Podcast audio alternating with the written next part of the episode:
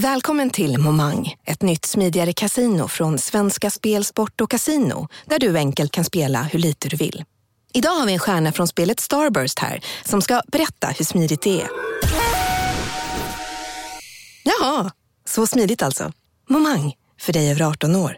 Stödlinjen.se. Välkommen till Unionen. Hej! Eh, jo, jag ska ha lönesamtal och undrar om potten. Ja, om jag kan räkna med övertidsersättning för det är så stressigt på kontoret jag jobbar hemma på kvällarna så kan jag då be om större skärm från chefen för annars kanske jag säger upp mig själv. Och hur lång uppsägningstid har jag då? Okej, eh, vi börjar med lön. Jobbigt på jobbet. Som medlem i Unionen kan du alltid prata med våra rådgivare.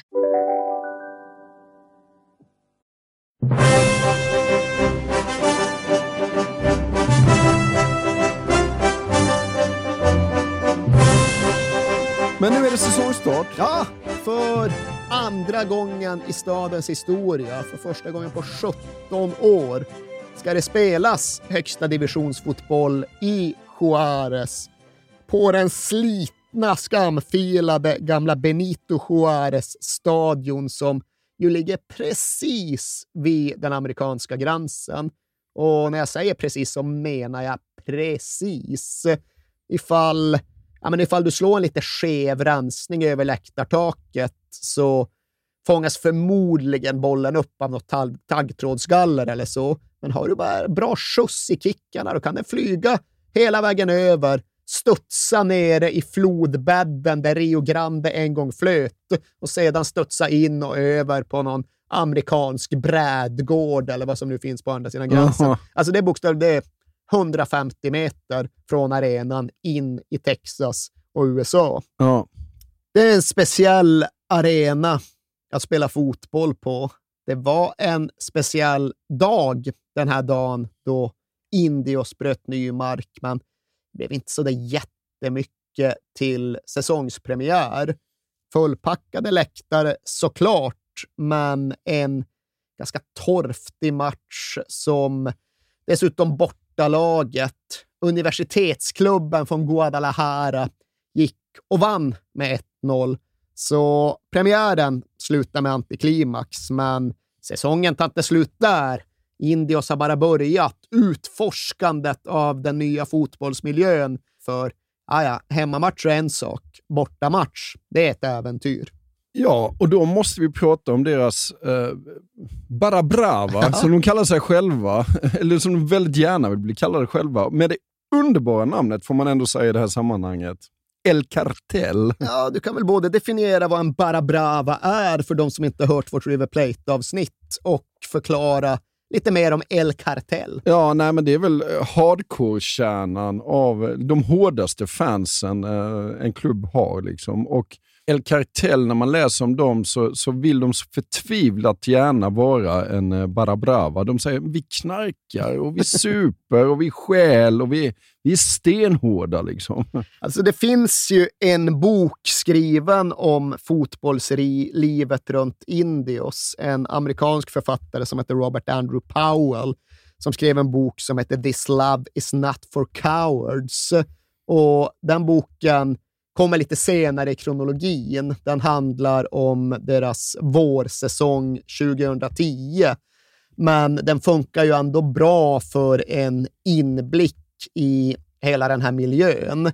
Kan också passa på att rekommendera en trilogi böcker skrivna av en annan amerikansk författare, Charles Bowden, som någonstans får säga var standardverken om staden Juarez.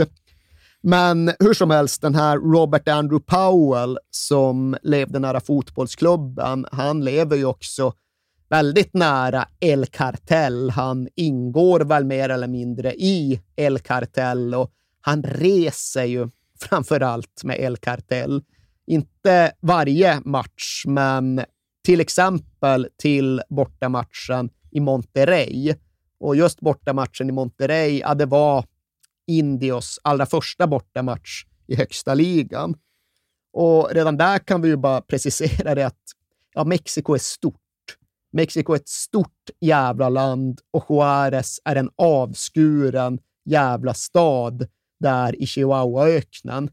Det är ungefär samma typer av avstånd som jag är van vid Ja. uppifrån Norrlands inland. För ja, när jag var liten så hade vi 130 mil till Stockholm. Det är lite de premisserna som gäller för de från Juarez också, för ja, deras närmsta bortamatch var i Monterrey. Och till Monterrey så är det väl kanske inte 130 mil, men det är i alla fall 115. Och det tar 17-18 timmar med buss. Och att resa 17-18 timmar i buss med El Cartel, ja, det är ingen picknick. Nej. Det framstår ju klart ja. av hans eh, reseskildring. För grejen är ju då att El Cartel, ja, det är ju då ingen kartell, men det är ju inga, det är inga laglydiga skolgossar heller. Och det som man inte riktigt hade, för det jag i alla fall inte hade tänkt på tidigare, det är ju det här med ja, men hur de använder sina bortaresor. För återigen, även om du är en tuffing så går du ju inte ut riskfritt på natten i Juarez. Du kan vara hur hård du vill och du kan känna rätt folk och du kan ja, befinna dig precis var som helst i livet. Du går inte säker. Nej. Du kommer att behöva titta dig om över axeln för det finns ett dödshot där varenda minut, varenda timme. Och det, det påverkar väl festupplevelsen. Det ja, fattar jag också. Ja.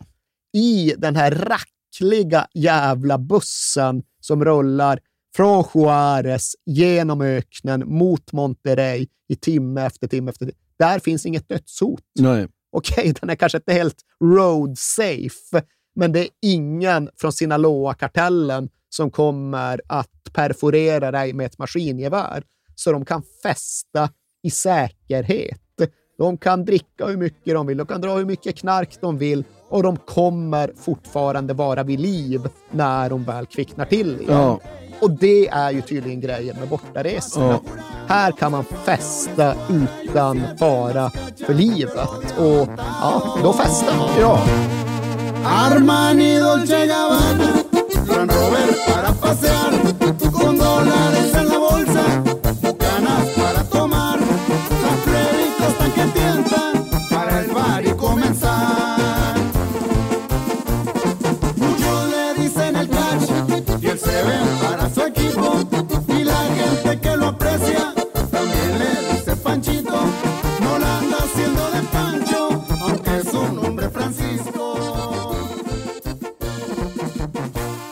Och släktingarna tyckte, ja men det okej, okay, ni kan bete er hur ni vill där, men ni dör i varje fall inte. Nej, Nej. Det var väl, ja.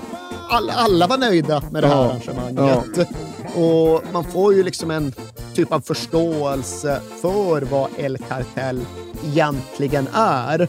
Och det är kanske den främsta förtjänsten med den här Powell-boken. Och det är ju inte de värsta och hårdaste killarna i Juarez men samtidigt är ju alla i Juarez insyltade i något, inblandade i något. Tar du 30 barska gossar från Juarez, det är klart att du kommer ha carteleros där. Det är klart att du kommer ha våldsverkare, knarksmugglare, till och med yrkesmördare. Ja. Och det var ju folk i den här författarens närhet, liksom de han umgicks med i El Cartel, som visade sig vara sicarios, alltså ja. yrkesmördare, hitmen. Och det visade sig även att liksom så långt var ju inte avståndet in till den riktiga drogkartellen och dess toppskikt. Uh, där Sinaloa-kartellen styrdes av Chapo Guzman så styrdes tydligen Juarez-kartellen av en herre som hette Juan Pablo Ledesma, J. Elay. Och han dök vid vissa tillfällen upp på El Cartel-fester. Och det kanske inte låter så dramatiskt, men här måste man förstå liksom positionen de här drogbaronerna fortfarande har i Mexiko. Alltså det är ju som att se Gud. Inte Gud på så sätt att det är någon man ser upp till, men Gud på så sätt att det här är en person som varje given minut nu avgör ifall du ska leva eller dö. Att sitta sitta i samma rum som en sån person, att liksom dricka med en sån person, ja, det är någon typ av extremupplevelse där du balanserar på slak lina med livet som insats. Det är klart att du inte dör om du drar ett dåligt skämt, tror man. Ja. För det gör man väl inte, Ja. eller gör man det? Ja. Osäkerheten eller just vissheten om att ja, en fingerknäppning så Ja. är det över. Ja. Ja, det, gör, det gör sällskapet ganska speciellt. Så kan man väl säga. Ja. Men ja, oaktat detta så fick El Cartel på sin första stora bortaresa i högsta divisionen bara se ytterligare en förlust. Det blev torsk med två bollar mot Monterrey. Och här någonstans börjar ju en spännande säsongstart att övergå i en dålig säsongstart som snabbt blir en usel säsongstart. Uppe i högsta divisionen, problem med värvningssommaren och nu då fyra torsk på de fyra första matcherna. Och en klubbledning som gör det vi förväntar oss att en mexikansk klubbledning gör i det läget. De kickar tränaren. De tar bort uppflyttningscoachen Sergio Ordunia och tar istället in en uruguayan som heter Hector Hugo Eugui. Och där blir det en omedelbar uppryckning. Men när Egoi lyckas sätta, han sätter defensiven. Ja. Va? Han gör det en brandsläckartränare alltid bör göra. Prioritera grunderna, få laget välorganiserat, hårt arbetande, svårslaget och resultaten blir bättre.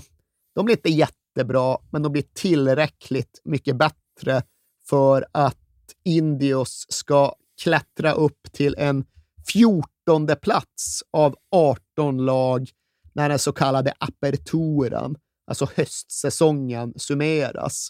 Och det innebär då att ja, så långt så ligger de under nedflyttningsstrecket. Sen är den mexikanska fotbollen som sådant. att ja, det delas ut två titlar per år. Det delas ut en titel för aperturan och en ligatitel för vårens klausura.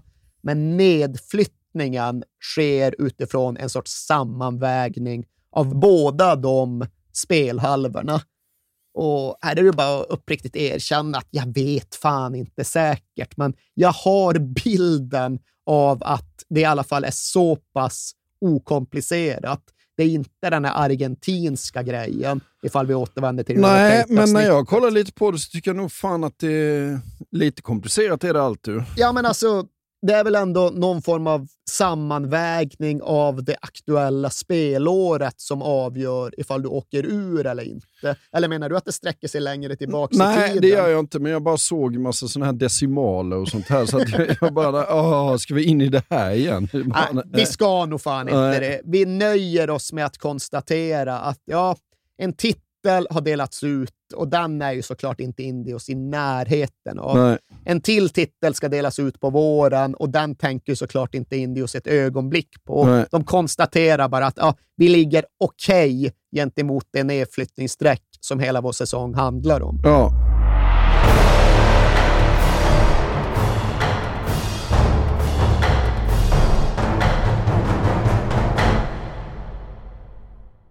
Jag vill inleda med att säga att det är garanterad jackpot på 13 miljoner på Stryktipset. Och fy fasen. Ja. Ja, visst.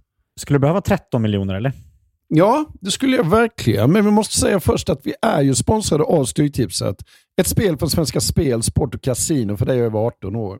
Yes, och stödlinjen.se finns där för dig om du har problem med ditt spelande.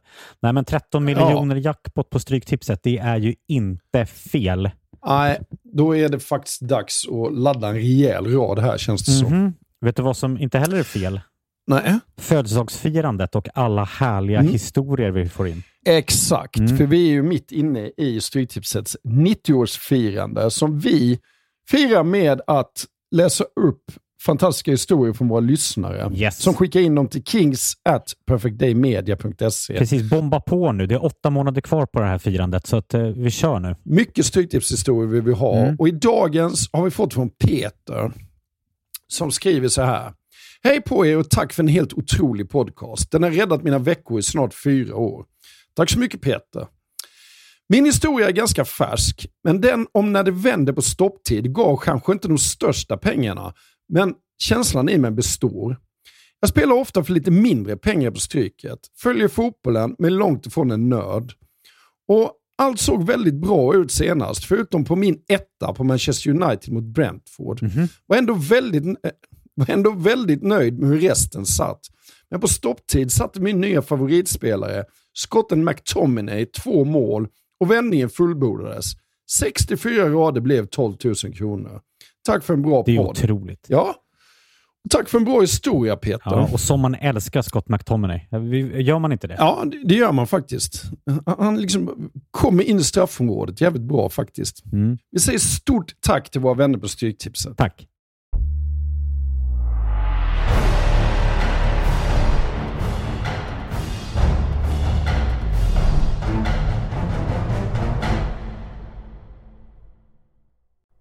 Och det blir lite förändringar i spelartruppen under vinteruppehållet va? Ja, en del påtvingade förändringar kan vi meddela.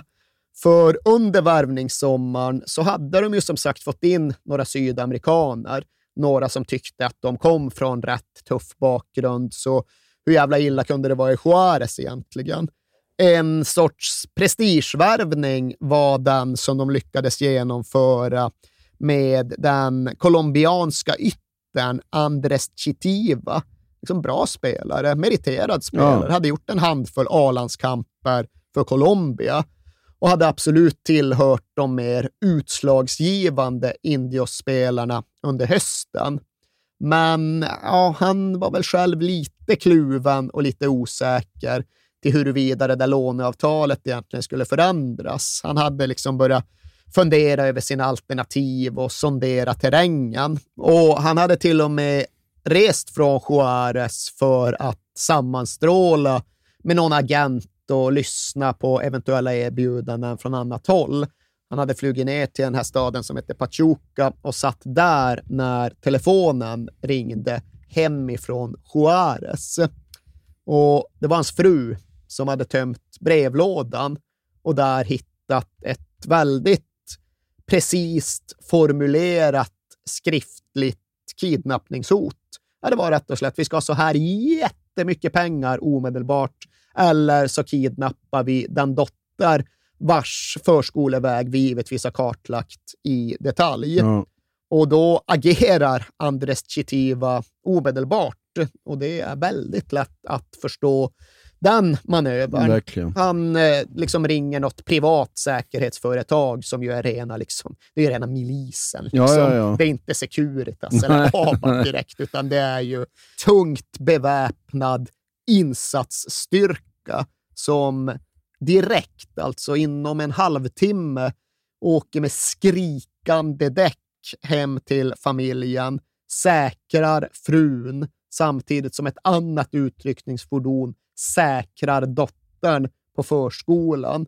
Och sen åker de raka vägen till flygplatsen. Inte packa, inte se sig om efter, över axeln, inte byta kläder eller fundera på när nästa bästa lågprisflyg går, utan rätt till flygplatsen, rätt därifrån, aldrig mer komma tillbaka.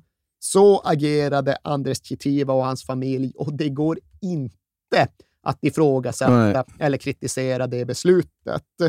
Och det var också flera av de ja, men, importerade sydamerikanerna som började omvärdera, som började tveka efter den här kidnappningshotsepisoden. Ezequiel Maggiolo från Argentina, Juan Ramón Curbelo från Uruguay. Ja, de stannade, men de såg till att skicka hem sina familjer direkt. Ni får återvända till säkerheten i Argentina respektive Uruguay, så stannar fotbollsspelaren kvar själv i Juarez, för på något annat sätt fick de inte längre ihop det. Och det var ju många som inte längre fick ihop tillvaron i Juarez runt den här tiden. Det var inte bara fotbollsspelare långt därifrån. Under de här åren då kartellkriget rasade som allra värst, ja, då ska sådär 50 000 av de då rikaste invånarna i Juarez flytt, flyttat över till den amerikanska sidan. Liksom till och med stadens borgmästare flyttade till USA. Det studsade jag på. Hur Ja. kan man vara borgmästare och inte bo i samma land? Det, Det- går det ju såklart inte. Samtidigt ja. är väl såklart förklaringen att ja, du kan inte vara borgmästare och bo i stan. För då, alltså, du är död. Du är, alltså, eller antingen är du direkt avlönad och fullständigt styrd av en kartell. Ja, men då vill den andra jävla kartellen döda Ja, dig. Så ja, du kan inte vara fri och oberoende. Du kan inte heller stå på en ena... Nej, du måste lämna landet. Och ja, det åskådliggör ju verkligen det absurda, det morbid absurda Ja. i Juarez-livet de här åren. Och en av alla de liksom rika, välbemedlade Juarezborna med alternativ som valde att dra, det var ju Indios klubbägare Francisco Ibarra. Han menar att han verkligen inte ville flytta. Och han är ganska trovärdig när han bedyrar sin kärlek till Juarez. Hade han velat flytta då hade han dragit när han var ung, för han hade alla möjligheter att ge sig ut i världen och se och upptäcka världen. Men han ville bo och verka i Juarez. Men vid den här tiden så gick det inte längre. Och det var ju samma sak där. Kidnappningshot på kidnappningshot på mordhot. Och de var ju trovärdiga. Det är inte riktigt, Juarez är inte den typen av stad där man får ett mordhot och tänker ah, de förverkligar det. Ja, aldrig", exakt. Utan vid en viss punkt, en punkt som kommer ganska snabbt, ja, då är det inget att fundera på, det är inget att överväga, det är bara att dra. Hals över huvud, liksom in med bohaget i bagageluckan och dra. Kruxet för Francisco Ibarra, det var bara det här att ja, han hade visserligen position och släktträd som gjorde så att han fick uppehållstillstånd i USA. Men för att kvittera ut det så var han förbjuden att återvända till Mexiko, till Juarez, överhuvudtaget under ett års tid. Under ett års tid så behövde han enbart befinna sig i USA. Jag vet inte om det var, liksom, var han tvungen att vara i El Paso, fick han röra sig i USA? Jag vet inte. Nej. Han fick inte åka tillbaka till Mexiko. Och han var en klubbägare med en dröm. En dröm som nu hade förverkligats. Hans lag var i högsta divisionen. Han ville ju vara där och sola sig i glansen och liksom peta i sånt han inte borde peta i. Ja, och han liksom, vägrade ju sälja till och med. ju. Ja, exakt. Han hade verkligen liksom investerat sina drömmar och sin energi och sina pengar i det här. Men nu skulle han inte längre kunna närvara. Han skulle inte längre kunna medverka. Men det var så det behövde bli. Det gick inte att välja. Och det finns ju ganska gripande skildrat och beskrivet hur han ändå liksom brottades med det här avskedet, hur han verkligen inte ville. Och den här sista dagen då han verkligen behövde korsa bron och åka över gränsen så hängde han kvar extra länge på träningsanläggningen. Han pratade med spelarna på ett sätt som man inte alls behövde göra. Och verkade som att han liksom skulle stanna kvar och vika tröjor åt material. Han, bara, han ville inte därifrån. Nej. Och sen så, okej, säger till sin chef, nu är det dags att åka och börja. Nej, nej, nej, vä- vänta, vänta, vänta. Burrito! Vad fan, vi kan inte lämna utan att äta burrito. Ja. Vänd bilen.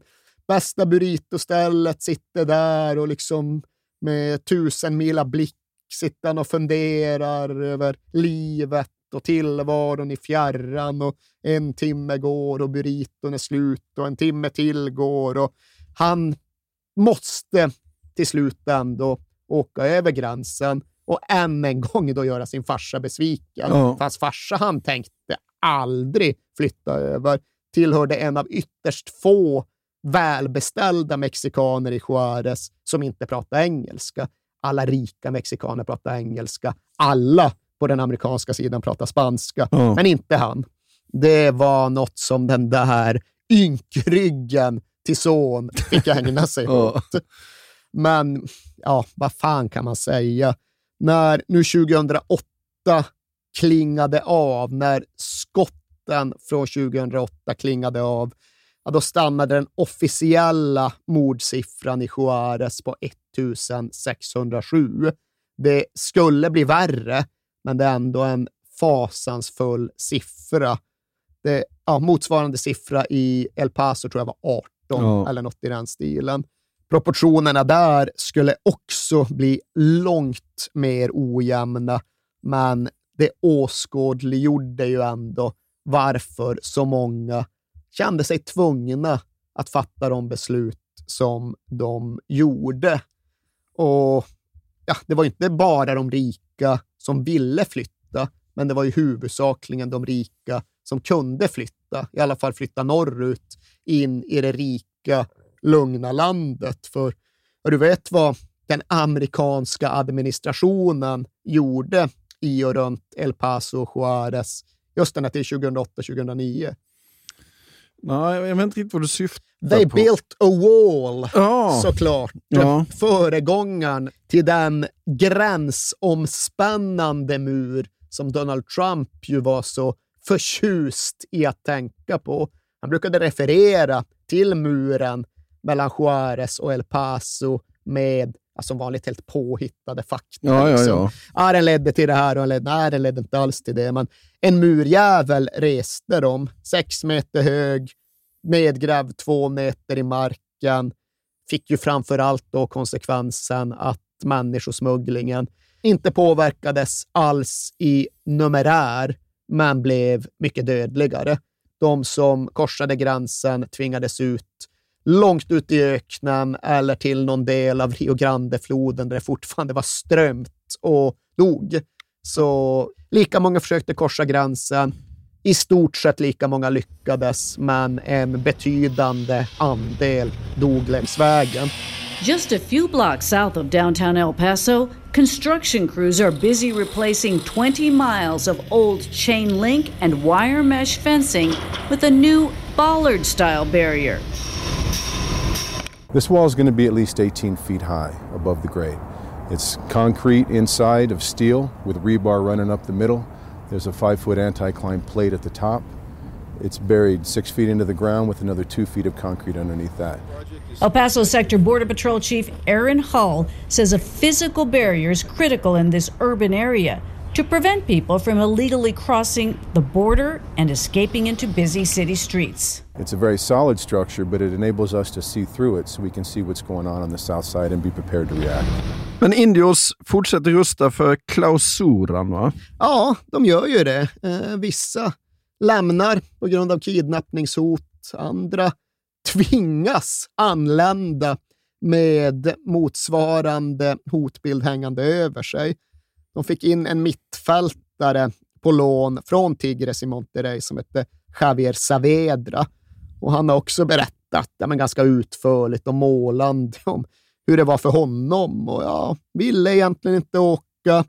Till slut så blir han ändå övertalad. Karriären är inte på väg någonstans. Det är hans enda chans. Men det var som att komma till en stad i krig och det var som att säga hej då till vårt gamla liv. Så beskriver Javier Saavedra. Och det här med att ja, men, vänja sig vid att inse vad det innebär att förhålla sig till sina nya riktlinjer. Okej, inga middagar ute, ingen bio, inga promenader, absolut inga promenader. Nej. Ja, vad återstår? Ja, det är att sitta hemma och se på tv. Men det går inte att se vilken tv som helst. Det fattade Javier Saavedra snabbt, för i Juarez då tuggar lokalstationen kanal 44 i stort sett hela tiden. Och kanal 44 är liksom en evig livesändning av den pågående brottsligheten. Ja. Och det säger ju alla också som har tillbringat mycket tid i Juarez, att ifall man vill veta vad som har hänt och ifall man vill göra det snabbt, så polisen är ju poänglös. Det är ju alltid reportrarna från kanal 44 som är på plats först. Det är ju alltid de som vet vad som har hänt och som sen liksom trummar på om det i timme efter timme efter timme.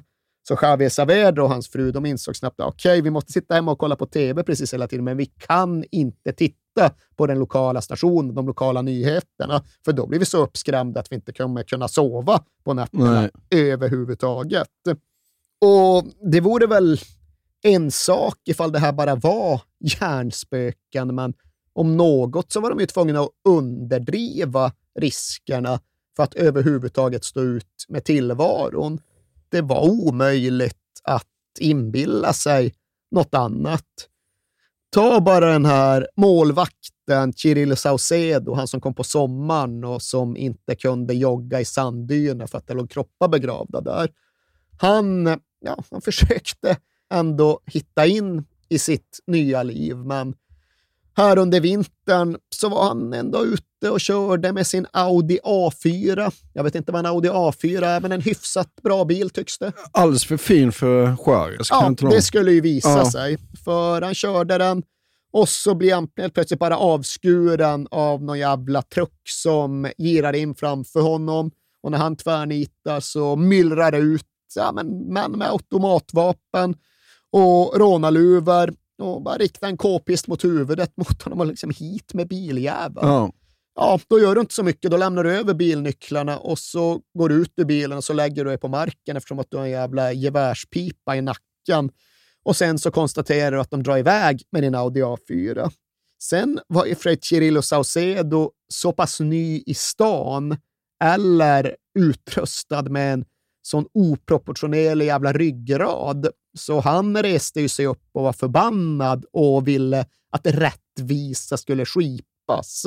Så han vände sig till de poliser som stod alldeles intill. För det, alltså det är jävla massa poliser ute i Juarez ja. hela tiden. Det är bara att de inte gör någonting. Nej, bara, alltså, ej, poliserna, ni kanske såg att det just var ett gäng maskerade män som tvingade ner mig på marken och snodde min bil. Ah, mm, ah, Ja, men alltså, så var det i alla fall. Kan ni, kan ni kanske ta och försöka fånga in dem här? Okej, okay, visst, liksom. Mm, röker någon cigg, sätter sig i bilen, kör bilen fram till första korsningen, svänger åt andra hållet jämfört ja, med ja. dit eh, rånarna hade dragit. Och så var det med den biljakten. Men den här målvakten Cirillo Sosedo, han tänkte liksom inte nöja sig ändå. Han skulle ner till polisstationen och anmäla. Och det, är också, det är ingen som åker och anmäler Nej. någonting. Det är bara en massa helt meningslös pappersexercis som dessutom gör dig sårbar för hämndaktioner. Ja. För åker du till polisstationen, upprättar en anmälan, lämnar in personuppgifter. Det rapporteras ju från den korrupta polisen rätt till kartellen. Och det är en problematisk situation. Ja. Men Kirill Saucedo, han åker dit och han berättar om den upplevelsen, för han kommer ändå in i någon ja, sal, som det tycks, där det är någon gigantisk anslagstavla av kork, där det bara är uppnålat ja, stadens försvunna. Ja, de har försvunnit de senaste två åren. Och det är inte de som är mördade, det är inte de tusen, två tusen, tre tusen. Det är två, tre tusen andra ja. som ju också är mördade, men de är bara inte hittade än och de är inte bokförda. Och han står där och får en klump i halsen. Känner, Vad är det här för någonting? Mm. Men i och med att Saucedo ändå tog det här den formellt proceduriella vägen så blev det en situation där polisen kände sig tvingad, kommenderad att åka ner till fotbollsklubben och prata med spelarna för att hjälpa dem att undvika liknande situationer.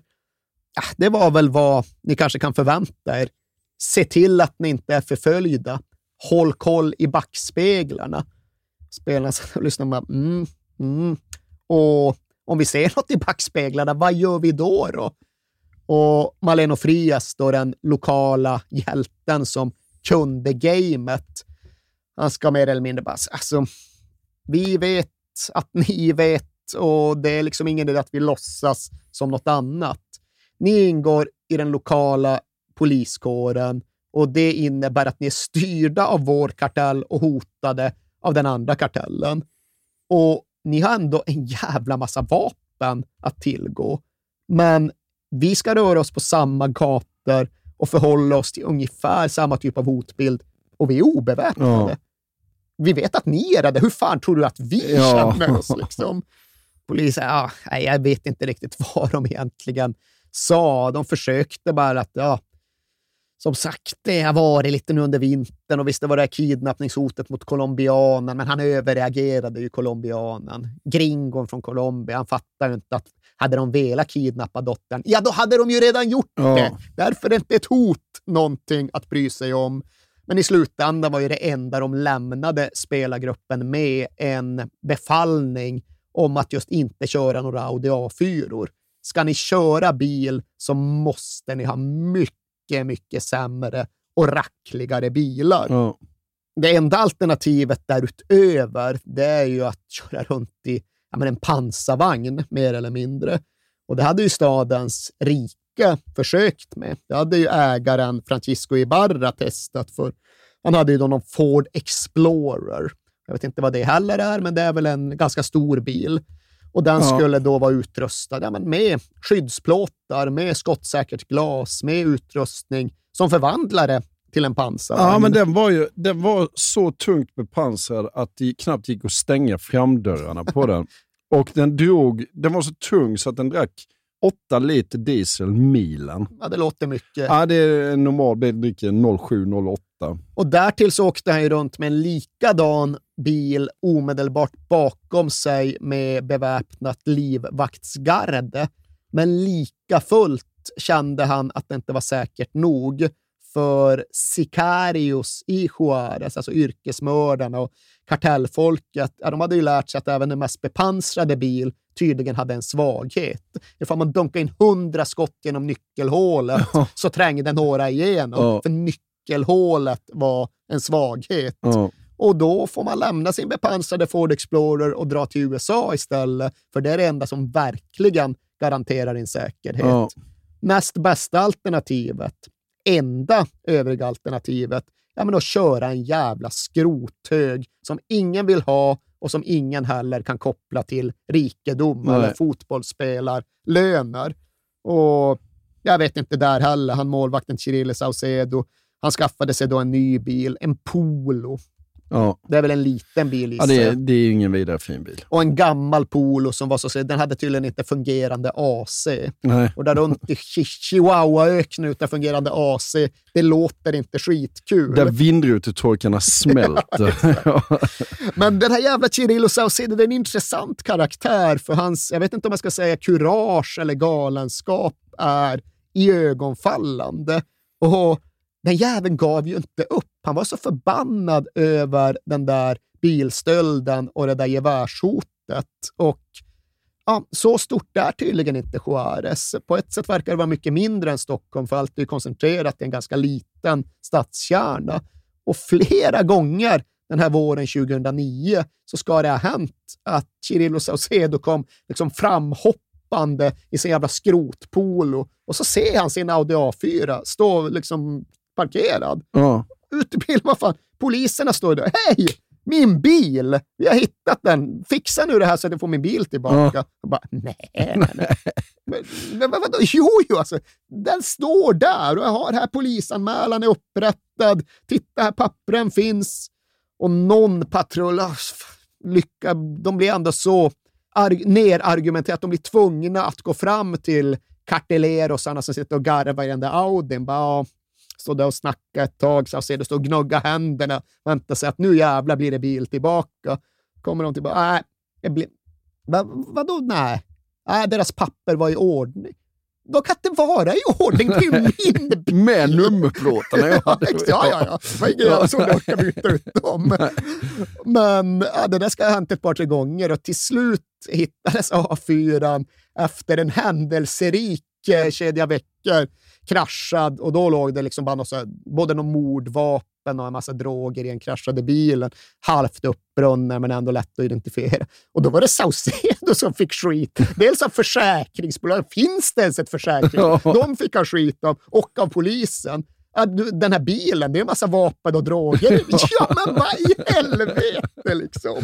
Ja, Och, ja, det där kan ju mest bara tyckas Kafka-likt och liksom någon form av administrativ labyrint som man har fastnat i. Men givetvis väldigt mycket farligare än så. Han spelade ett högt spel med sitt eget liv den där våren, Saucedo, oavsett om han var medveten om det eller inte. Ja. För en söndagskväll han satt hemma. Man ger sig inte ut. Klockan var nästan åtta, så då sitter han hemma. Man hade först varit i duschen och sen satt sig och kollade någon match eller något sånt där. Och sen kom han på att just det, telefonen jag inte kollat på ett tag. Kolla telefonen. Vad fan nu då? 25 missade samtal, 20 meddelanden. Och så bara först lyssnar på meddelanden. De är liksom oroliga. Sen blir de desperata. Och till sist blir de liksom fyllda av sorg. Folk ringer och gråter på hans svarare. Och vad, vad fan är nu detta? Jag får ta och besvara något av de här samtalen. Kolla, Så det är allt från liksom varenda funktionär i klubbledningen till chefen på den här lokala tv-stationen, kanal 44. Vad är, vad vill folk liksom? Ring upp, vad, vad, vad är det här nu? Vad, vad, vad, lever, ringer från andra sidan av döden. Vad, vad, vad händer? Och då visade det sig att det hade läckts till medier, till kanal 44, på det sätt som det gjordes från kartellen när de själva visste att ah, den där målvakten Indios, mm, han finns inte mer. Nej, avrättad, halshuggen. Nej, ni kan glömma honom. Och målvakten i Indios, folk befarade ju att det var frågan om Kirill Saucedo, men nej, kanske någon reserv eller nej, ingen får tag på alla, får inte tag på honom. Så det hade ju hunnit bli sanning i Juarez, att han är död, han är mördad, han ja, man säger halshuggen. Det finns väl ingen riktigt bra svensk översättning på beheaded. Nej. Men ja, de skär av huvudet på folk. Det gör de ju rätt ofta ja. för att signalera. Fan vet vad det signalerar, men något ska det ju signalera. Det är inte bra i varje fall. Nej, det, Nej. Det, kan, det, det kan vi vara överens om. Och riktigt vad det där var blev väl inte klarlagt. Det finns uppgifter på att jo, men det blev en målvakt mördad, men att det var någon reserv i U16-laget eller någonting. Uh -huh. Men det verkar inte riktigt vara sanningen, utan sanningen var nog bara att det var en varning. Ja. Alltså, sluta hålla på och hålla på. Glöm den där jävla A4. Odin, ja. ja. Och sluta krångla. Och återigen Saucedo, hårdnackad jävel över dumdristighetens gräns, för han drog ju inte. Inte Nej. ens i det läget så drog han. Han sa visserligen åt sin fru som han hade med sig att okej, okay, från och med nu så svarar ingen i telefon. Lite oklart vad det skulle leda till, men hans tanke tycks ha varit att ja, då kan vi i alla fall inte ta emot några kidnappningshot. Nej. Och premissen var att så fort ett till hot kommer så drar jag. Men det kom tydligen inget eftersom att de inte svarade i telefonen, för han blev kvar under hela den vårsäsong som skulle bli jävligt minnesvärd för Indios. Den börjar bra. De har fått in Saavedra och några nya spelare under uppehållet. De har nya tränare som har fått grejer på plats. Så de har bara en torsk på första sex matcherna och de är uppe på en femte plats i klausuran men samtidigt som matcherna spelas och resultaten trillar in så blir det bara mer och mer obegripligt hur det överhuvudtaget är möjligt att bedriva idrottsverksamhet eller att leva i Juarez. För dödstalen stiger ju bara snabbare och snabbare och snabbare. Morden blir bara fler och fler kriget tar inte slut, utan kriget blir bara värre. De som var där under den här tiden ger ju vittnesmål som ja, men det går enbart att jämföra med en stad i krig, i militärt krig. För ja, armén har checkpoints på vägarna och det är maskerad militärpolis som patrullerar runt på pickuptruckar med sina automatvapen. Och egentligen är väl det enda som skiljer det från en stad i traditionellt krig att det inte går att veta vem fan man kan lita på, vem som är på vilken sida. Exakt vad jag tänkte på och då är det ju ännu värre. Ja. ja. Och ja, varenda...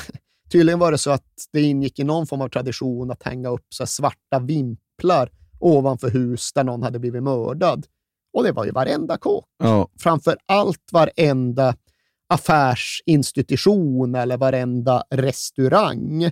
Och givetvis fick ju det konsekvensen att var och varannan business slog igen. Ja. Konstigt vore annars, för det var inte bara det heller att folk blev mördade på precis vartenda ställe, utan kidnappningarna och utpressningshoten blev ju också bara en helt oundviklig del av vardagen. Och det är också en, ja, en av de mer osympatiska delarna av all den här jävla skiten. Det är väl, jag ska inte säga att det är en sak ifall de skjuter på varandra, men det är ju någonting i det här att liksom vartenda, det är till och med det minsta lilla familjeföretag på hörnet, ja, ska dit och köra utpressning. Och helt orimlig utpressning. Ska betalas hisnande pengasummor som inte betyder ett skit för kartellen, men som betyder allt för den där företagarfamiljen. Ja. Och när de inte har någon möjlighet att betala, in nackskott, pang, slut. Ja. Liksom. Inga frågor stängda. Det finns uppgifter på att 10 000 olika affärer och restauranger stängde under 18 månader efter det att Juarez började brinna. 10 000. Ja. Ja. Hur många finns det då kvar i så Nej, fall? det kan inte vara många. Det är Nej. inte många. Nej. De, det fanns, eh, lokaltidningen påstod ju ändå att jo, men det finns viss möjlighet till normalitet. Kolla här, de, det finns en lista på barer som betecknas som säkra. Enbart hotellbarer. Ja. Hotellbarer som då var barrikaderade bakom rigorös, militariserad egen säkerhet. Ja. Och ett av de där hotellen var ju hotellen där Indios samlades före sina hemmamatcher. De brukade sova en natt där innan hemmamatcherna också. Och det hotellet delades då med ja, den influgna federala polisen. Federala polisen, ja, de, är, de har uniform och de har vapen som satan, men ja, det är inte våra vänner Nej, det går inte att lita på det går dem, nej. verkligen inte att lita på dem. Så åka hiss ner i källaren med fyra sådana där de står med sina maskingevär, det är ingen rolig Nej, upplevelse. fan. Ja. Någon trycker på nödstopp eller någon bara trycker på källarvåningen och sen står man där. Liksom. Ja. Nej, Nej. det är hård press på folk och ja, ser man till vår yrkesutövning var det inte så att den granskande och undersökande journalistiken blomstrade i Juarez under de här åren.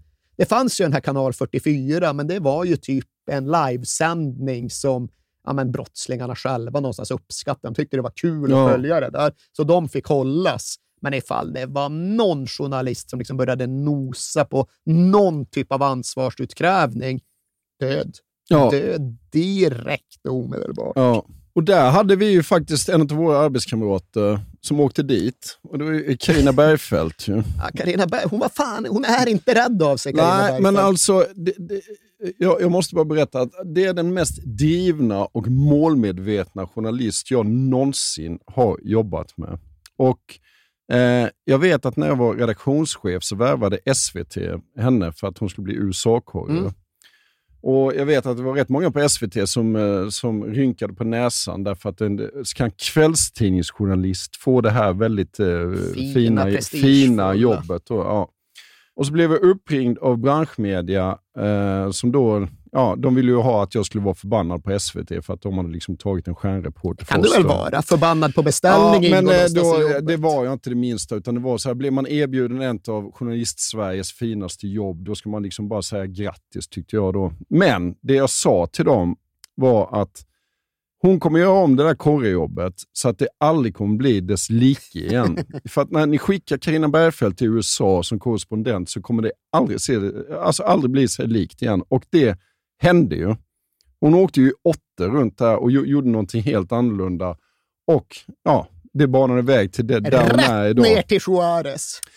Ja, men några år tidigare i alla fall så hade hon bestämt sig då i sin målmedvetenhet att jag ska åka till Ciudad Juarez. Jaha, det var före SVT. Det var före alltså. Ah. SVT-jobbet och det var före, jag tror inte ens hon hade gått någon säkerhetsutbildning eller någonting. Så att, och det, jag var inte chef där då, men ledningen då sa att det får du absolut inte. För att du ska åka till jordens farligaste plats och nej, det kommer vi aldrig göra. När då. är vi nu i kalendern?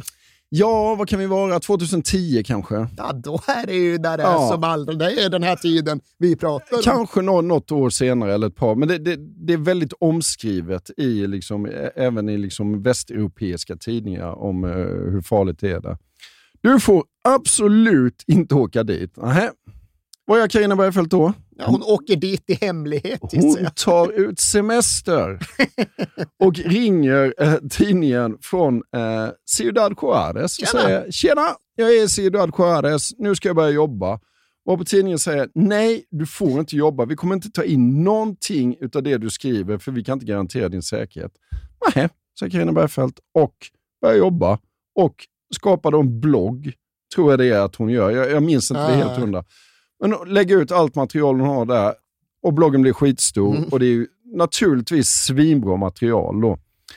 Och eh, Jag kommer inte ihåg hur det var i slutändan om, om eh, Aftonbladet till slut publicerade den då, men det är en väldigt bra historia på hur driven hon var och hur jävla, ja, hon var jävligt duktig också. Alltså. Duktig och dumdristig och eh, gränsen däremellan är ofta svår att själv definiera. Ja. Men jag ska fan gå tillbaka och kolla vad hon publicerade Ja, därifrån. Ska bli det, intressant. det borde jag kanske ha gjort innan det här avsnittet, det, ja.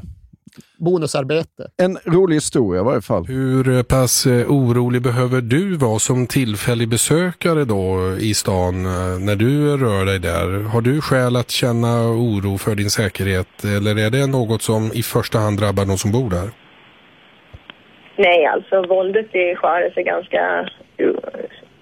Det drabbar alla. Man får ju naturligtvis vara extremt försiktig men det är ju därför som jag tycker det är så skönt att vara här med en lokal, en lokal redaktion. Alltså det är ju väldigt mycket eh, radiokontakt och eh, diskussioner och koll med poliser och sånt där innan man reser runt. För det är ju ett, är ju ett fullständigt laglöst land i mångt och mycket.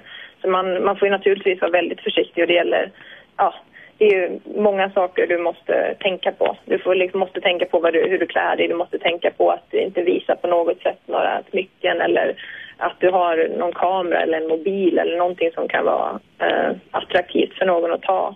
Du ska liksom försöka ja, vara så osynlig som möjligt och inte röra dig i vissa områden för det är helt enkelt för farligt. Ja, och den var ju förhoppningsvis enbart rolig. Det, förhoppningsvis så behövde inte utstå en massa jävla obehagligheter utan kunde komma därifrån i säkerhet. Men annars blir det ju så att när man drar en rolig historia om målvakten Chirili Saucedo så finns det ju ett mått av obehaglighet inbyggd och alla fotbollsspelare som var i Juarez och spelade för Indios under den här tiden har ju war stories to tell. De låter säkert skrock tråkiga där vid eldstaden sju, åtta år senare, men de tyckte inte det var kul när de stod inför dem. Och det är egentligen bara att läsa om vem som helst av de här spelarna så hittar du deras berättelser. hade en vänsterback som hette Edvin Hernandez. Stod vid något rödljus en dag i någon asskruttig bil. Så plötsligt hör han liksom en helikopter, lågt flygande helikopter, rotor. Tjut, tjut, tjut, tjut, tjut. Gud, vad fan, vart är helikoptern? Det låter som att den håller på att landa på taket. Jag ser ingen helikopter liksom. Aha, ja, jävla konstigt. Ja, nu hör jag inget längre, så ja, då får jag väl köra vidare. Då. Vad fan, det är grönt. Ingen som kör. Va- va- Varför kör ingen? Ja, Edvin, det beror på att eh, killen i bilen framför dig har just blivit mördad med automateld som du trodde var helikopter, eh, helikopterljud. Ja. Ah, Edvin Hernandez förstår att det är så det är här i Juarez. Och Edvin Hernandez hade sedan en granne, Jorge Pulga Rodriguez, som under samma tid vaknade mitt i natten av att det är 15 pers i uniformer, rånarmasker och full beväpning på väg in i hans hus. Ej, vad är ni för lirare? Ja, vi är liksom någon del av den federala militärpolisen. Ja, vadå, då så? Nej, vi, ska, vi har fått tips om att det är massa droger och vapen som stashas här. Ja, nej, vad fan, alltså kolla här, jag spelar indios fotbollsspelare, här ska ni väl inte in liksom. Uh, men det är just det, oh, vilka är de här jävla människorna? Och liksom, är de på riktigt? Och innebär det att man går säker? Uh, de gick i alla fall med på att istället för att dra in i det här huset, okej, vi, tar, vi tar grannhuset istället. Det är säkert där det finns en massa vapen. Och där bodde den här stackars vänsterbacken Ja. landet. Och där mullrade de bara in och liksom, ja, men, typ plundrade det. Liksom. Ja. Inga droger, inga vapen. Och givetvis inte någon som i efterhand kunde koppla ihop det där med någon riktig myndighetsutövning, utan ja, det kanske var poliser, det kanske inte var, det kanske bara var maskerat utklätt folk, men det spelar ingen roll. Ett gäng med uniformer gick in och tog vad de ville ha och det finns ingenting du kan göra åt Nej. den saken. Och Hernandez fick bara konstatera att ja, vi kämpar och vi försöker överleva i högsta ligan, men det är ju uppriktigt sagt en andra prioritering. Först på agendan ligger någonstans att faktiskt överleva våren som människa. Ja, att, öva, ja. att komma ut på andra sidan med livet i behåll. Ja. Och det är någonstans premissen när de här två spelarna och deras lagkamrater flyger iväg för den sista ödesveckan. Och den ramas då in av att ja, men de där inbrotten, eller vad vi ska kalla dem, de skedde precis bara några dagar dessförinnan. Och då behövde Hernandez och Rodriguez ändå åka från Juarez och ligga på hotell under någon jävla veckolång roadtrip och lämna sina familjer. Och det är klart att ja, kommer det där gänget ena natten, vad kommer nästa natt? Nej. Bara den ovissheten är rätt påfrestande att åka iväg med. Men sen fanns då det rent sportsliga läget. Och hur nu än tabellen är sammanvägd så var läget sådant att Juarez hade tre matcher kvar. De behövde minst sju poäng från de tre matcherna för att vara säkra på förnyat kontrakt. Sju poäng på tre matcher, ja, det var inte det poängsnitt som de hade hållit direkt, utan det skulle kräva en överprestation på gränsen till underverk ifall de skulle lyckas med det.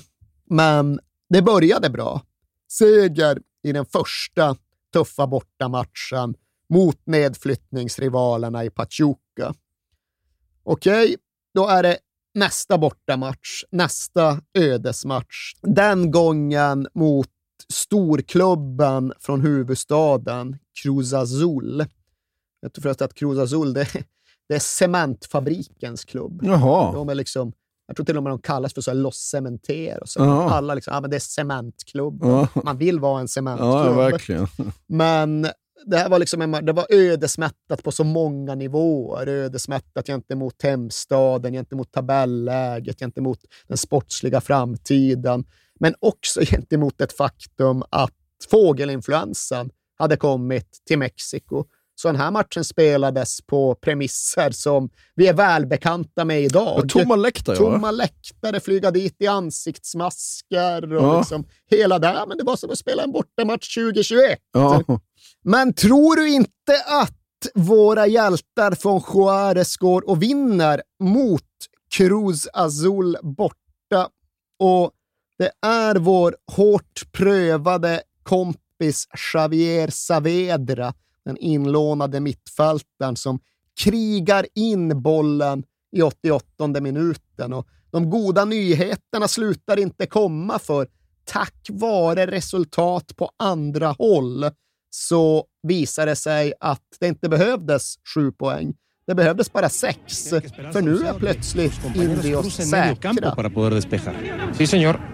Ahí vemos el descenso en este instante. Viene Saavedra dentro del área. Atención que aquí está la salvación. Llega Saavedra, disparo, gol.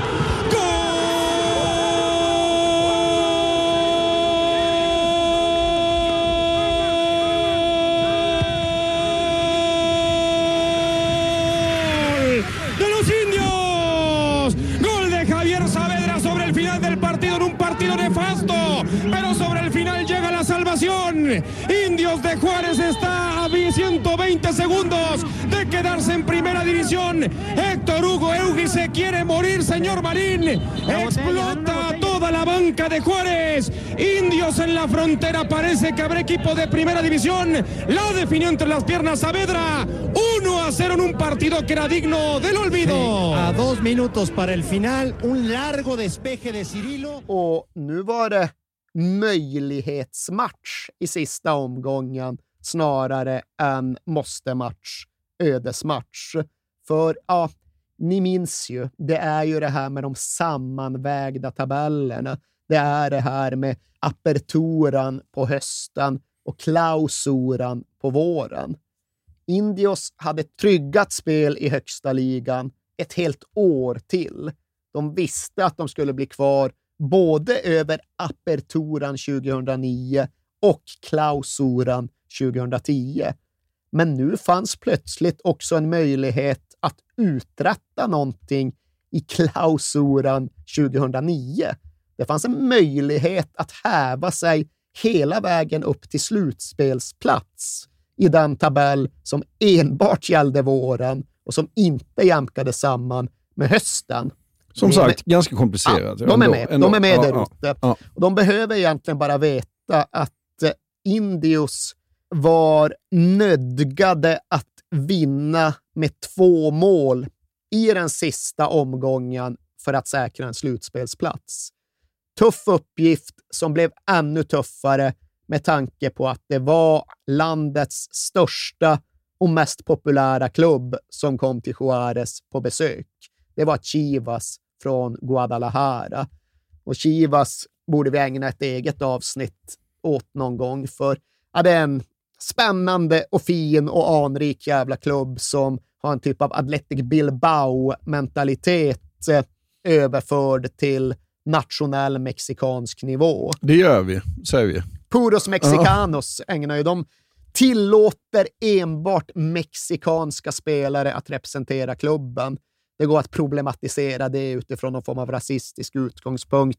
Jag gör inte det. Skit i det nu. Ja. Ja, nej, men det är inte det det Nej. är. Det handlar om just att framhäva den egna identiteten och bygga klubb på sättet som de vill bygga klubb på. Och det har medfört att de har blivit landets mest populära klubb.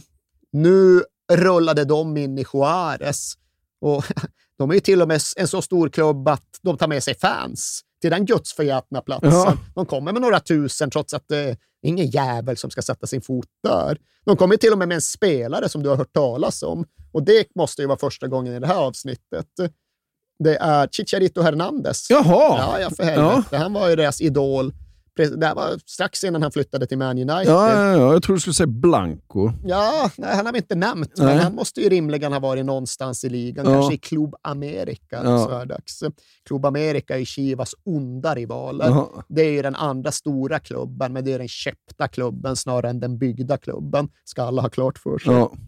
Men hur som helst, nu var det ju en avgörande match som skulle spelas och Chicharito Hernandez, ja, han var jobbig såklart, såg till att spela fram till Chivas ledningsmål strax före paus och där var det väl slut. Som sagt, Indios behövde vinna med två bollar för att gå till slutspel och det var inget skräpgäng de hade emot sig och nu var de dessutom i underläge. Ah, här tog den sagan slut och helt okej var det. De hade ju säkrat kontraktet. Men sen kommer den andra halvleken och sen väljer Indios att sätta in sin lokala hjälte. Manelo Frias, han hade tydligen varit lite sliten, startade på bänken, men i 53 minuten, ja då gnisslar han igång och rör på den gamla kroppen och ger sig ut i fält. Och det tar inte lång tid innan han har kvitterat. Därefter tar det inte lång tid innan han har ytterligare en boll inne, men den blir bortblåst, bortvinkad för offside. Ja, ja. Sen tar det inte lång tid därefter innan Manelo Frias drar loss på kanten och spelar in bollen till Paco Jiménez som kan stöta in 2-1 i tom bur. Och Manelo Frias, ja, han var ju en duvunge, men den här Paco Jiménez från Uruguay, det var en gammal jävel. Kanske inte nödvändigtvis enligt prästbetyget. Där påstods han var 34 eller 35, men det fanns liksom samsyn runt klubben att han var minst 5-6 år äldre. Ja. Han var minst 40 på någon form av så här kanokvot. Ja. Jag vet inte riktigt vad de hade för fog för det, men att de tyckte att han, han uppträdde Han såg gammalt. jävligt risig ut. Ja. Men den här dagen, då dansade han en sista gång. För nu hade han gjort 2-1. Det räckte ju inte. Och det här 2-1 målet hade fallit så sent som i den 87 minuten, så klockan tickade ju iväg. Men hade han inte ett trick kvar i bollskon, gamla Paco Jiménez, han hade ju det. Han hade ett lågt distansskott på stopptid som nästlade in vid Chivas målvaktens högra stolpe och som gav Indios från Juarez precis den 3-1-seger de behövde och den osannolika slutspelsplats som Vero sedan medförde. Oigo pancha traes tenis. Vean nada más! No, bueno. Se quiere morir Paco Memo. La viene tocando Jiménez. El disparo de los indios. Milagro auténtico. Un equipo de milagro como llora Eugi. Los indios están en la liguilla. América toma la pista y se estrella absolutamente. Ahí está el calvo de banca y mojan dos oportunidades. Señor Medrano, qué cosa histórica. Así está ganando Indios, se está metiendo a la liguilla. Así la define Jiménez.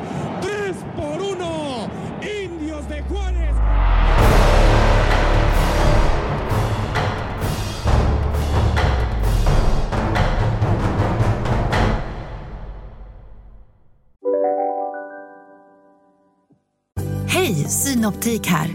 Visste du att solens UV-strålar kan vara skadliga och åldra dina ögon i förtid? Kom in till oss så hjälper vi dig att hitta rätt solglasögon som skyddar dina ögon. Välkommen till Synoptik. Just nu till alla hemmafixare som gillar julast låga priser. En slangvinda från Gardena på 20 meter för vattentäta 499 kronor. Inget kan stoppa dig nu. Om en sous vide är på väg till dig för att du hörde en kollega prata om det och du råkade ljuga om att du också hade en och att den var så himla bra att maten blev så otroligt god och innan du visste ordet av hade du bjudit hem kollegan på middag nästa helg för att du sålt in din lågtempererade stek så bra att du var tvungen att beställa en på nätet fort som attan. Och ja! Då finns det i alla fall flera smarta sätt att beställa hem din sous vide på. Som till våra paketboxar, placerade på en plats nära dig och tillgängliga dygnet runt. Hälsningar Postnord. Och hur gick det i slutspelet då? Jo, men det var tryck i slutspelet. De hade ju en tuff väg framåt eftersom att jag tror att det är någon sidningsgrej. Det är väl någon sån här hockeyslutspelspryl där Ja. liksom det lägst rankade laget får möta det högst rankade laget. Så Indios ställdes mot de regerande mästarna, Toluca. Men nu jävlar hade de fått sin uruguayanska defensiv på plats så Toluca lyckades inte forcera Juarez försvarsvall på två matcher. Det blev 1-0 till Indios hemma i Juarez, gjorde målet på straff. Och sen så kämpade de till sig ett 0-0-kryss i returen i Toluca och helt plötsligt så var de klara för semifinal. Och vet du vad som var det allra mest anmärkningsvärda med den där fina, fina söndagen då de slog ut Toluca och gick vidare? Nej. Ingen dog i Juarez. Jaha. Det är i alla fall det som sägs, att ja, de låg ju på tio mord om dagen i snitt och de var ju aldrig under fem. Men just den dagen, noll döda i Juarez. Jävligt morbid glädje. Ja, jag vet heller inte riktigt vilka slutsatser man ska dra av det där. Allt det där är faktiskt svårt att dra slutsatser utifrån, för det är etablerad sanning att Juarez-kartellen och dess ledare gillade klubben och gillade fotboll. Men då är ju min så instinktiva farhåga, ja, men innebär inte det att hela klubben och allt de står för blir en jävligt tacksam måltavla precis. för Sinaloa-kartellen? Ja. tycks inte ha varit så, för det är ju ändå i ögonfallande i både Juarez och Tijuana och för den delen alla de här mexikanska städerna att fotbollen har tillåtits rulla vidare hur mycket kulan än har flugit. Det tycks nästan vara så att kartellerna har en inofficiell överenskommelse att äh, fan, alla gillar vi ju boll, va? Så Ja. vi lämnar klubbarna i fred. Ja. Jag kan inte riktigt liksom, dra en annan typ av slutsats. Nej, och till och med de kanske har lite tankar på att det skulle bli rätt stor folkstorm att mörda fotbollsspelaren då, kanske. Ja, den typen av strategiska överväganden känner jag liksom inte igen någon annanstans ifrån. Och Nej. Det har ju skjutits fotbollsspelare. Club America hade någon striker som fick en sån här kula i huvudet, men det har väl handlat mer om förlupna kulor snarare än om avrättningar. Ja. Och då går de till semifinal. Ja, de gör ju det. Och eh, ja, det verkade inte bli någonting av det, för de började återigen hemma. Mötte Pachuca och torskar med 2-0 hemma. Och så som jag förstår det är det samma odugliga jävla system vad gäller dubbelmöten i Mexiko som det är i Argentina. Att det är inte några bortamål, det här som Uefa nu har fått för sig att ta bort. Det utslagsgivande är istället vilka som är högst rankade. Ja. Blir det kryss över två matcher, då vinner det högst rankade lag. Ja. För att liksom cementera att de små uppstickarna aldrig ska ha någon riktig möjlighet att åstadkomma något. Nej. Men det gällde i alla fall för Indios att okej, okay, vi har torskat med 2-0 hemma. Det innebär så att vi måste åka till bortamatch och vinna med tre. Det är inte så nära till hands och det kommer inte närmare när Pachuca dessutom gör 1-0 i returen. Men då jävlar, ska ni veta, då kommer Indios segande upp närmare och faktiskt till och med jämsides. De gör 1-1. De gör 2-1. De gör faktiskt till och med 3-1. Ja. Och med ett europeiskt sätt att räkna så är de ju vidare i det läget. Tyvärr är de inte det enligt mexikanskt sätt att räkna. Och tyvärr så struntade det mexikanska domarteamet i att visa ut Pachuca-målvakten som rusade ut utanför eget straffområde och avvärjde ett friläge med handen. Han fick gult. Ja. Men ja, till sist så slutade allt med att Indios behöver forcera för ett 4-1 mål. De blottar sig. Pachuca kan istället kontra in en 3-2-reducering som definitivt avgör, som definitivt sätter punkt för ja, men den allra mest himlastormande orealistiska fotbollsdrömmen. Det var orealistiskt bara att Indios skulle gå upp, bara att de skulle klara sig kvar. Här var de faktiskt framme i en nationell semi och fem minuter före slutsignalen så är det helt jävla jämnt läge. Och de hade ju faktiskt titeln inom någon form av räckhåll. Ja. Men där tog det stopp. Ja. Och sen tar det ju väl riktigt stopp för hela klubben. Det tar definitivt stopp och därefter går det snabbt ut för och ifall man ska analysera vad som gick fel så tror jag rätt många var överens om att ja, det här beslutet som ägaren Ibarra tog att liksom öppna bakfickan och lassa gigantiska prestationsbonusar över spelartruppen. Ja, det var ju kul i stunden, men det var väl inte så lyckat på sikt. För även om man kan framstå som en väldigt rik man så hade han inte obegränsade tillgångar.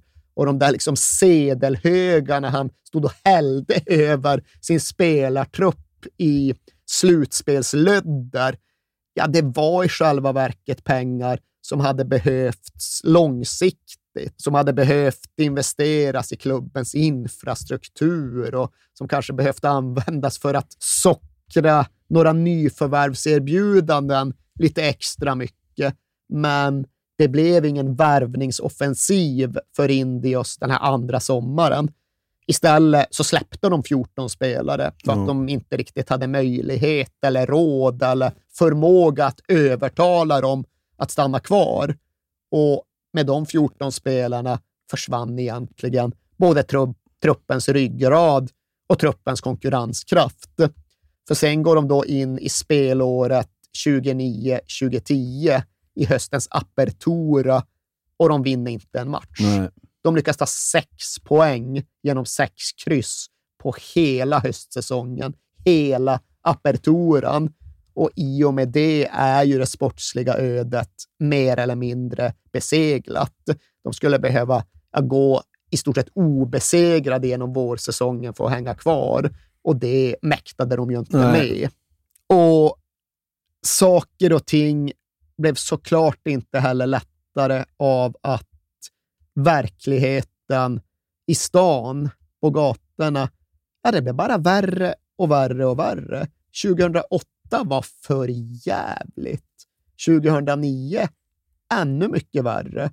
2010, ja, de höjer insatserna igen och eldar på mordmaskinerna ännu mer. Och ja, det är klart, så mycket död, så mycket död precis överallt. Till slut så snuddar det, vi till slut berör det, till slut så kommer det nära fotbollsklubben, alldeles oavsett om det nu finns någon överenskommelse att lämna dem i fred eller om det inte gör det. Och så blev det ju för Indios från Juarez. För i december 2009, ja, då blir klubbens akademichef Pedro Picasso ihjälskjuten i sin morbrors mobiltelefonaffär. Och det är klart att det inte utreddes av polis, men de som vet, De säger ju att ja, det som hände det var att den här stackars morbrorn blev utsatt för utpressning och det var på samma premisser som det alltid är. Nu ska du betala jättemycket pengar som du inte har och du ska göra det imorgon och gör du inte det så skjuter vi dig. Och så kom de dit för att hämta pengarna som man inte hade precis när då akademitränaren Pedro Picasso också var i lokalen.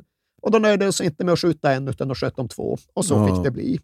Och sen är det där också en grej med livet och döden i Juarez, där de själva redogör för att ja, i Juarez är det så att först blir du mördad och sen blir du avrättad. Först dödar de dig och sen förstörs ditt rykte. För det heter ju såklart att de döda, ja, de är ju kartellfolk. Det är ju sådana som är indragna i droghandeln. Ja. Eller kanske är någon korrupt polis som har bytt sida. Men ni vet ju själva hur det blir. Och grejen är, ja, det är väl sant i, fan vet jag, två fall av tre eller Ja. någonting. Men det innebär också att det finns rätt många fall då det inte är sant. Då det inte är några karteleros som dör, utan bara helt vanliga morbröder i en mobiltelefonsaffär. Men ingen mäktar med eller orkar bry sig om att kolla upp en sån sak, utan först blir du mördad och sen blir du avrättad. Ja. Först blir du dödad och sen förstörs ditt rykte. Och när man läser om och när man lyssnar på berättelserna från dem i och runt klubben så får man ju någonstans intrycket att ja, men, de tappar kraften, de tappar kamplusten, de tappar liksom energin och någonstans nästan livsgnistan under den här perioden. De orkar inte spela någon mer fotboll. Och konstigt det här är ju inte, Nej. för ja, ta Maleno Frias, den lokala hjälten, honom som alla håller högre än någon annan, eftersom han tog sig ut från det där kvarteret som ingen tar sig ut ifrån. Och ja, det var ju fantastiskt, men själva grundpremissen innebär ju också att ja, även om han tog sig ut så lämnades rätt många andra kvar. Och så jävla mycket pengar tjänar du inte i Indios Juarez att du kan bara ta hela din släkt och flytta dem till El Paso. Utan Manelo Frias, han hade kvar sin familj i det där området. Hans syskon var kvar i en verklighet där det var gatan och gängen eller döden. Det fanns inga andra alternativ.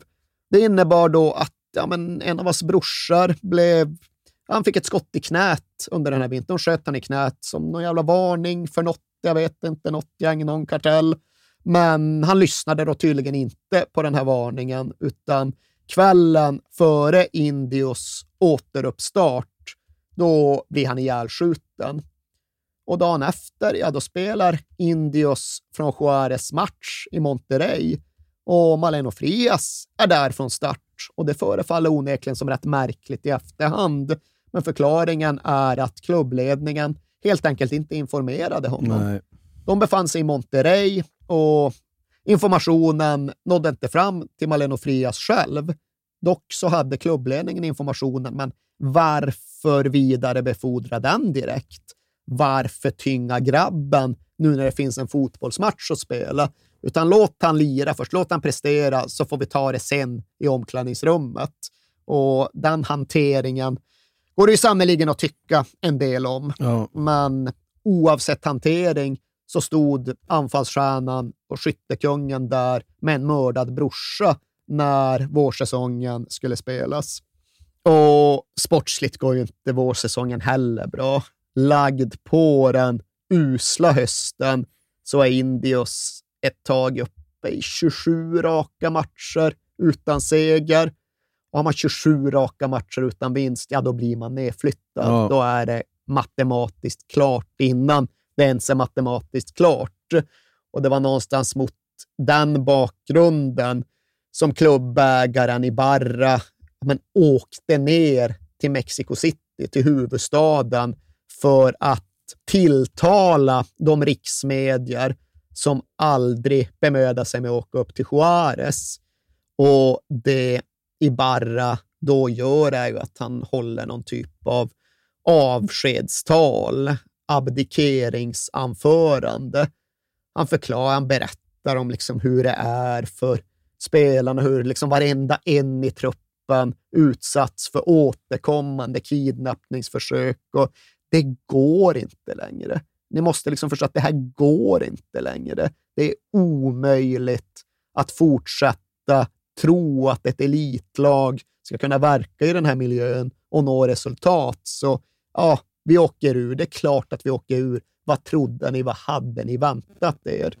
Och det är ju såklart en, ett logiskt utfall av hela den här situationen.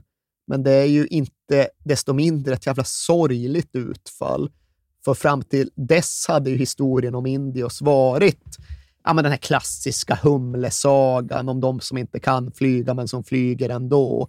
Laget som inte bara gick upp i högsta ligan, utan som sen gick till nationell semifinal samtidigt som morden bara blev fler och fler och fler.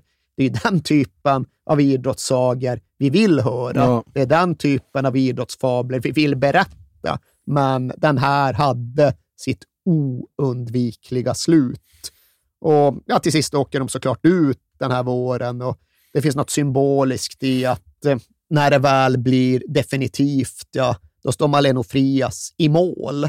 För de har fått målvakten utvisad, de har inga avbytare kvar, så ja, då får han krypa in i buren och stå där helt hjälplös medan motståndaren liksom pepprar in bollarna i nät bakom ja. honom. Och därefter spelar de den sista hemmamatchen och när slutsignalen har gått, ja, då liksom samlar de ihop allt material, alla matchtröjor, alla bollar, alla tillbehör, koner, väst, allt du kan tänka dig. För de någon gigantisk jävla utförsäljning i något provisoriskt tält på parkeringen. För ja, de säger väl att vi ska studsa tillbaka. De säger väl att vi ska göra ett försök till. Det är över. Ja. De kränger all sin utrustning ja. och det gör inte en klubb som har kraft eller tro på att de ska tillbaka upp i högsta ligan. Nej.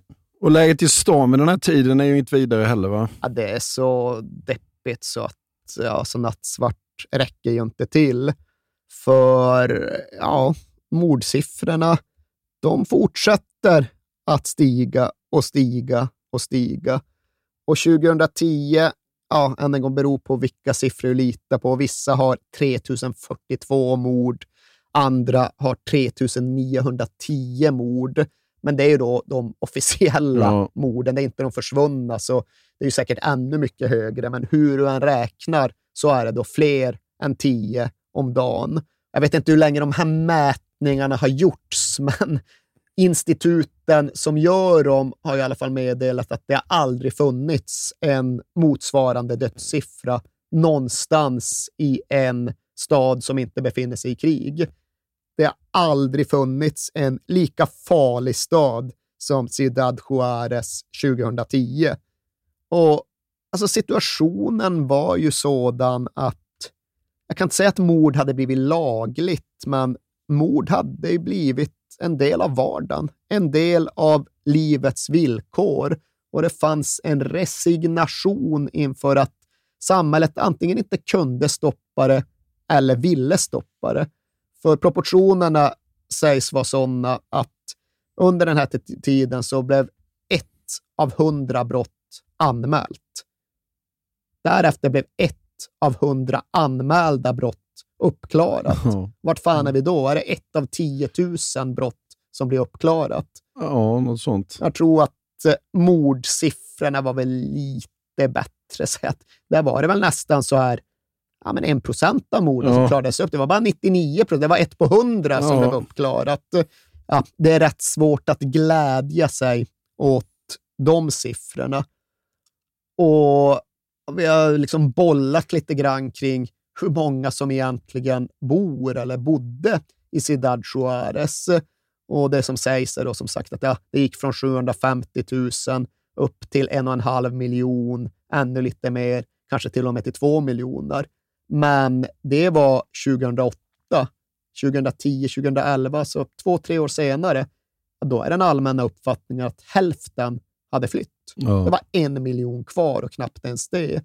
Och ja, 50 000 av de rika De hade kunnat dra till USA, men hundratusentals av de fattiga, ja, de hade bara dragit vind för våg till den plats där de nu råkade hamna. Och sisådär 10 000 av dem, ja, de drog ingenstans, utan deras liv slutade i Juarez. Och från den punkten så finns det väl några olika varianter av epilog. För den sportsliga är till att börja med ganska deppig. Indios Juarez, ja, de studsar givetvis inte tillbaka upp i någon högsta liga, utan de gör något halvhjärtat försök och sen så lägger de bara ner. Ja. Sen avvecklas klubben och ingen kunde höja på ögonbrynen åt det. Det var helt uppenbart att det var så det skulle gå. Men runt omkring fotbollen så vänder ju faktiskt livet i Juarez under åren som följer. Det stora kartellkriget klingar faktiskt av och mordfrekvensen sjunker markant. Jag kan inte sitta här och säga att den når acceptabla nivåer, men den sjunker tillbaka ner mot de nummer som gällde innan allt det hemska började. Och där hade väl egentligen allt kunnat ta slut, men någonstans så är det bara första kapitlet vi sitter och redogör för nu. För ifall vi förflyttar oss till nutid, ja, då är det en del som är ganska välbekant i och runt Juarez. Tyvärr, tyvärr, tyvärr har ju dödstalen skenat igen.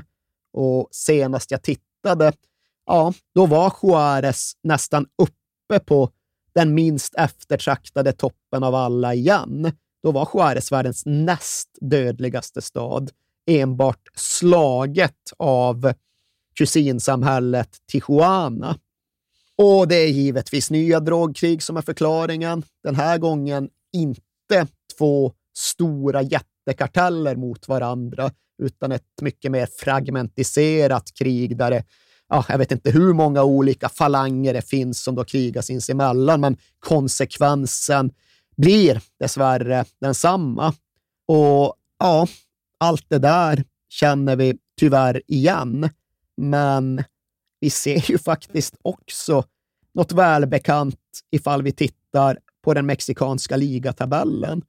För gör vi det just idag när vi spelar in, ja, då ser vi att det finns en klubb som inte heter Indios, men som heter FC Juarez och som såklart är den andliga arvtagaren som spelar inför samma fans på samma arena och som chippar efter luft precis ovanför nedflyttningsstrecket.